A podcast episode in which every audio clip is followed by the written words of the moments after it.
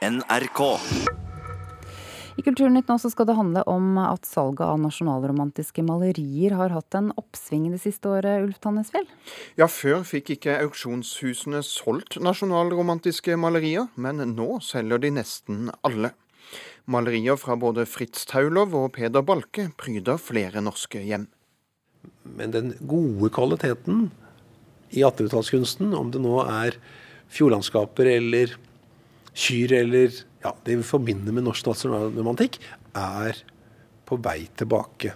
Det sier Hans Rikard Elgheim ved Grev Wedels plassauksjoner. Han blar i katalogen fra forrige auksjonsrunde. Sånn som dette her. Det er kjempebra. Peder Balke. Ja, Bitte små Peder Balke-bilder. 330 000 og sånn. Disse her som vi tidligere slet med, solgte vi alle sammen. Nasjonalromantikken varte fra 1850-tallet og opp mot 1900-tallet i Norge. Det ble malt mye landskapsmalerier fra denne tida. Et eksempel er brudeferd i Hardanger. De siste 15 årene har interessen for malerier fra denne perioden vært laber. Det har vært tider hvor vi har kanskje trukket tilbake halvparten av det vi frembyr. Nå, er, nå selger vi 80-90% av det vi frembyr, og interessen har økt. Da er det de mest kjente navnene.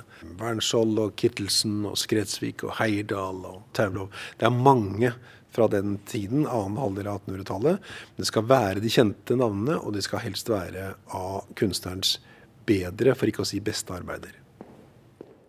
Så dette er jo auksjonssalen hvor vi har auksjonene. Også ved Blomkvist auksjoner merker de denne tendensen. Det sier kunstekspert Knut Forsberg. I 2017 så har vi sett eh, et oppsving og økt interesse. Vi selger mer, og vi selger bedre. Det er flere budgivere per bilde enn det har vært før. Det gjelder både kunst i lavere prisklasser, og de opp mot over 100 000 kroners-klassen. Interessen er både fra kunstsamlere og spesielt fra privatpersoner. Det er yngre kjøpere, altså 30-40 år, som nå begynner å interessere seg for nasjonalromantikken. Ved auksjonshusene tror de oppsvinget både handler om at prisen på denne type kunst har vært lav de siste årene, og at det er et slags trendskifte i hva som er populært å henge på veggen i stua. Det er jo kultur med gamle malerier og gamle ting og gamle møbler å kombinere med moderne. Det sier Bjørg Hoff Hagen. Hun har vært interiørarkitekt i 45 år, både i Norge og i utlandet.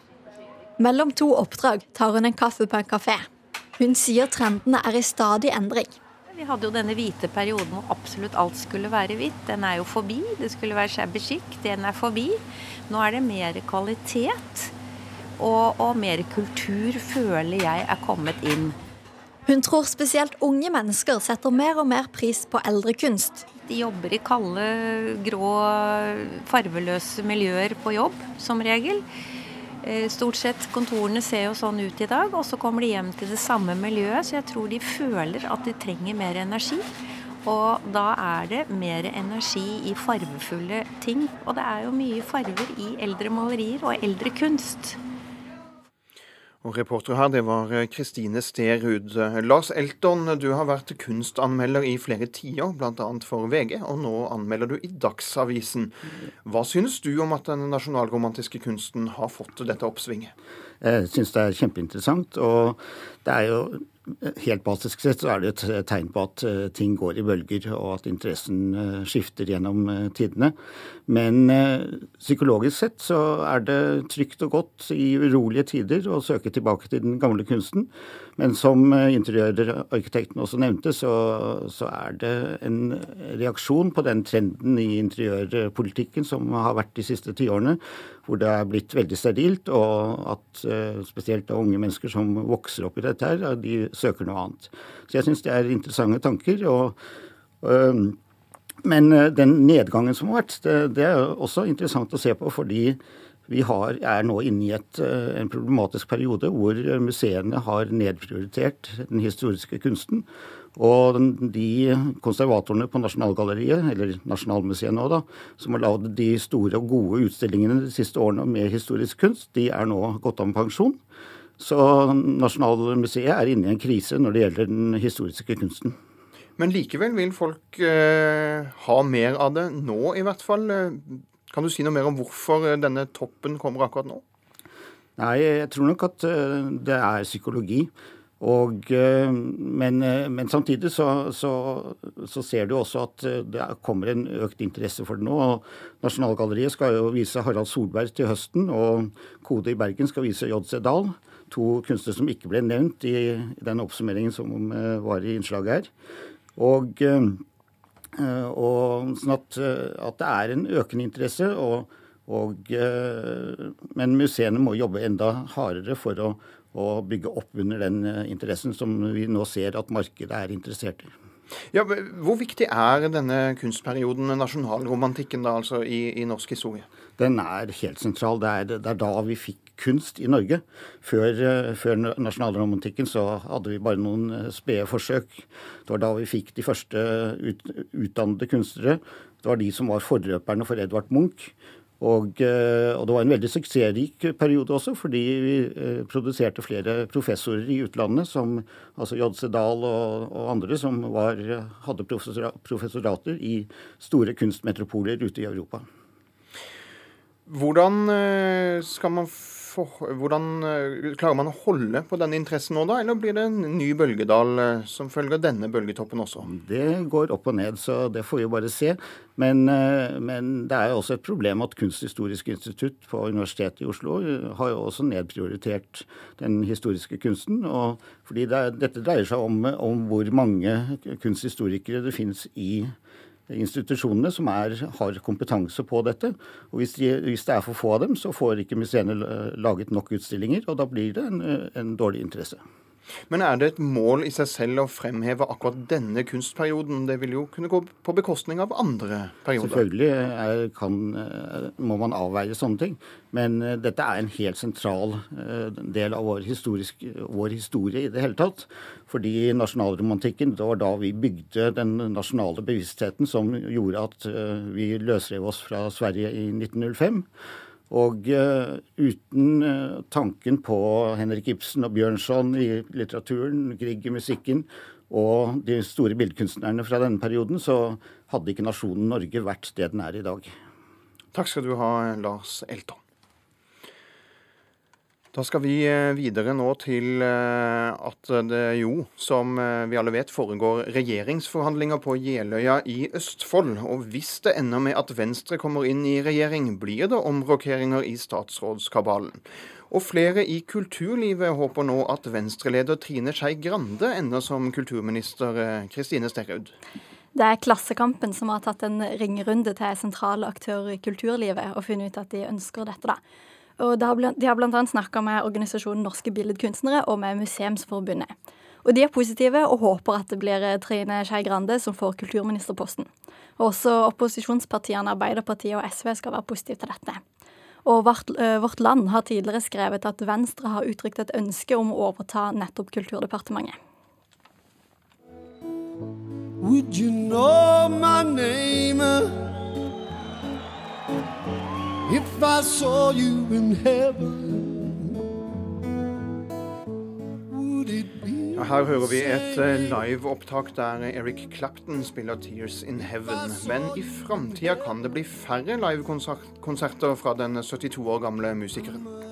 Eric Clapton holder nemlig på å bli døv. Han sier sjøl i et intervju på BBC at han sliter med tinnitus, og at hørselen hans blir dårligere og dårligere. Og i tillegg så har han en nerveskade i ryggen som gjør han nedsatt følelighet i hendene. Så da blir det slutt på konserten? Ja, ikke nødvendigvis. Eh, Clapton sier at det er en utfordring, men han har likevel planlagt et par spillejobber eh, også i år. Og han sier sjøl han er overraska, men også takknemlig for at han fortsatt klarer det. Så er eh, den amerikanske videobloggeren eh, Logan Paul i hardt vær. Nyttårsaften la han ut en video av et selvmordsoffer, og i samme video spøker han med selvmord. Og Hvilke konsekvenser får dette for ham nå? Det kom jo mye reaksjoner på denne videoen, og på, uh, Logan Paul var tidlig ute og beklaga og sa at OK, dette er ikke en passende video, og videoen ble fjerna. Men det som nå er nytt, er at YouTube avlyser planlagte prosjekter som de egentlig skulle ha hatt med han her videobloggeren. Og det er BBC som skriver dette. Og Pauls kanal er jo fjerna fra YouTubes liste over anbefalte kanaler, så han mister trolig en god del annonseinntekter. Og han, øvrig, han har for øvrig rundt 15 millioner abonnenter på sin kanal. Videre nå til film, for eh, natt til mandag fikk skuespiller Gary Oldman en Golden Globe-pris for rollen som Winston Churchill i filmen 'Darkest Hour'. I morgen har den norgespremiere, og NRKs kritiker Birger Vestmo mener at Oldman virkelig gjør en fantastisk hovedrolle i en fortreffelig kvalitetsfilm. Here's to, um, to not buggering it up. Not buggering it up. Et stykke britisk krigshistorie skildres nydelig i regissør Joe Wrights velspilte og medrivende drama Darkest Hour. Best av alt er Gary Oldmans fantastiske hovedrolle som statsminister Winston Churchill. Historien om hvordan han greide å vekke den politiske støtten for å kunne ta opp kampen mot Hitler, fortelles med høy intensitet og klare konflikter. Darkest Hour er en svært underholdende historieleksjon, der det gjøres klinkende klart hva som står på spill. You've wanted this your entire adult life. No, since the nursery. Do the public want me? It's your own party to whom you'll have to prove yourself. I'm getting the job only because the ship is sinking. It's not a gift, it's revenge. Storbritannia trenger en ny statsminister i mai 1940. Den eneste kandidaten parlamentet kan enes om, er den omstridte Winston Churchill, spilt av Gary Oldman. Den slue veteranen samler noen av sine argeste politiske motstandere i sitt krigskabinett for å forberede kampen mot Hitler, men møter motstand fra krefter som heller ønsker fredsforhandlinger, annet tidligere statsminister Neville Chamberlain, spilt av Ronald Pickup, og lord Halifax, spilt av Stephen Delane. Berlin. Samtidig må Churchill løse krisa som oppstår når så å si hele den britiske hæren på 300 000 mann omringes av tyskerne i den franske byen Dunkerque. Nothing inglorious in trying to shorten a war that we are clearly losing. Losing! Europe is still Europe is lost. Churchill, slik vi møter han i filmen, har rett og slett noen ufine karakteristikker som gjør det enkelt å forstå hvordan noen kan ha motforestillinger mot han. Også som publikum må man gå noen runder for å vurdere figurens kvaliteter, og hvor man egentlig skal legge sin sympati, noe som gjør filmen mer interessant. Bildet av han nyanseres òg etter hvert av fine glimt fra det varme ekteskapet med kona Clemé, spilt av Christian Scott Thomas. You are strong because you are imperfect. You are wise because you have doubts. Utfallet av denne historien er sjølsagt godt kjent, men å se filmens versjon av hvordan Churchill overvant de innledende krisene og førte landet sitt inn i krigen mot Hitler, er dramatisk nok, med en sterk nerve fra begynnelse til slutt. Darkest Hour er en fortreffelig kvalitetsfilm, der både det fortellertekniske, kameraføringa, klippinga, kostymene og musikken holder like høy kvalitet som skuespillet i de viktigste rollene, med Gary Oldman som den aller største attraksjonen. When will the lesson be learned? You cannot reason with a tiger when your head is in its mouth! Ja, 'Darkest Hour' ble anmeldt av Birger Vestmo, og har altså norgespremiere i morgen. Du har hørt en podkast fra NRK P2.